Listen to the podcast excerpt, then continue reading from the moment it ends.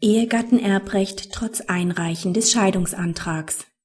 Auch wenn Ehegatten mehr als ein Jahr getrennt leben und der während des Scheidungsverfahrens verstorbene Erblasser den Scheidungsantrag eingereicht hatte, kann dem anderen Ehegatten sein Erbrecht verbleiben, wenn zur Zeit des Erbfalls die Voraussetzungen der Scheidung nicht vollständig vorgelegen haben.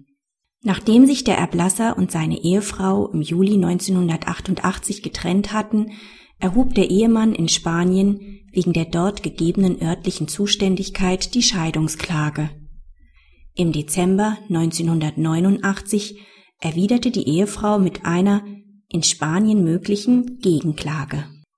Die Ehefrau trug nach dem Tod des Ehemanns vor, nach Einreichen der Gegenklage hätten sich die Parteien endgültig zusammengerauft und gemeinsam entschieden, die gerichtlichen Schritte zur Auflösung der Ehe nicht weiter zu verfolgen.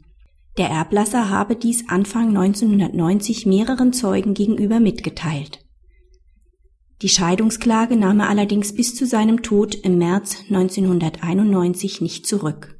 Fraglich war, ob das Ehegattenerbrecht gemäß § 1933 und § 2077 Absatz 1 Satz 2 BGB durch den immer noch rechtshängigen Scheidungsantrag ausgeschlossen war.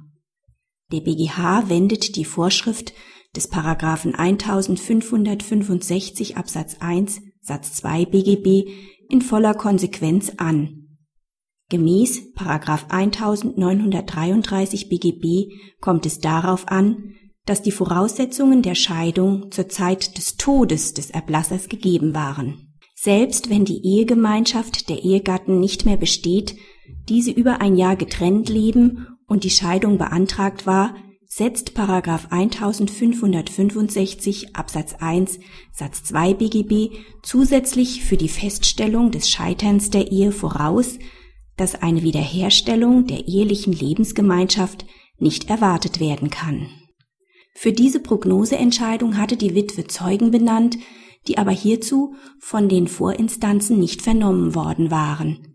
Darin sah der BGH die Verletzung des rechtlichen Gehörs der Witwe und verwies zu diesem Punkt die Entscheidung zur erneuten Verhandlung an das Berufungsgericht zurück.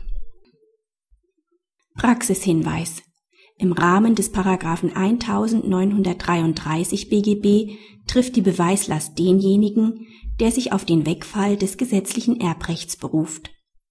Wird ein Scheidungsantrag zurückgenommen, bedeutet dies die Beseitigung der Wirkungen des Paragraphen 1933 BGB. Wird ein Scheidungsantrag erst nach dem Erbfall zurückgenommen, hat dies auf die Anwendbarkeit von 1933 BGB keinen Einfluss mehr.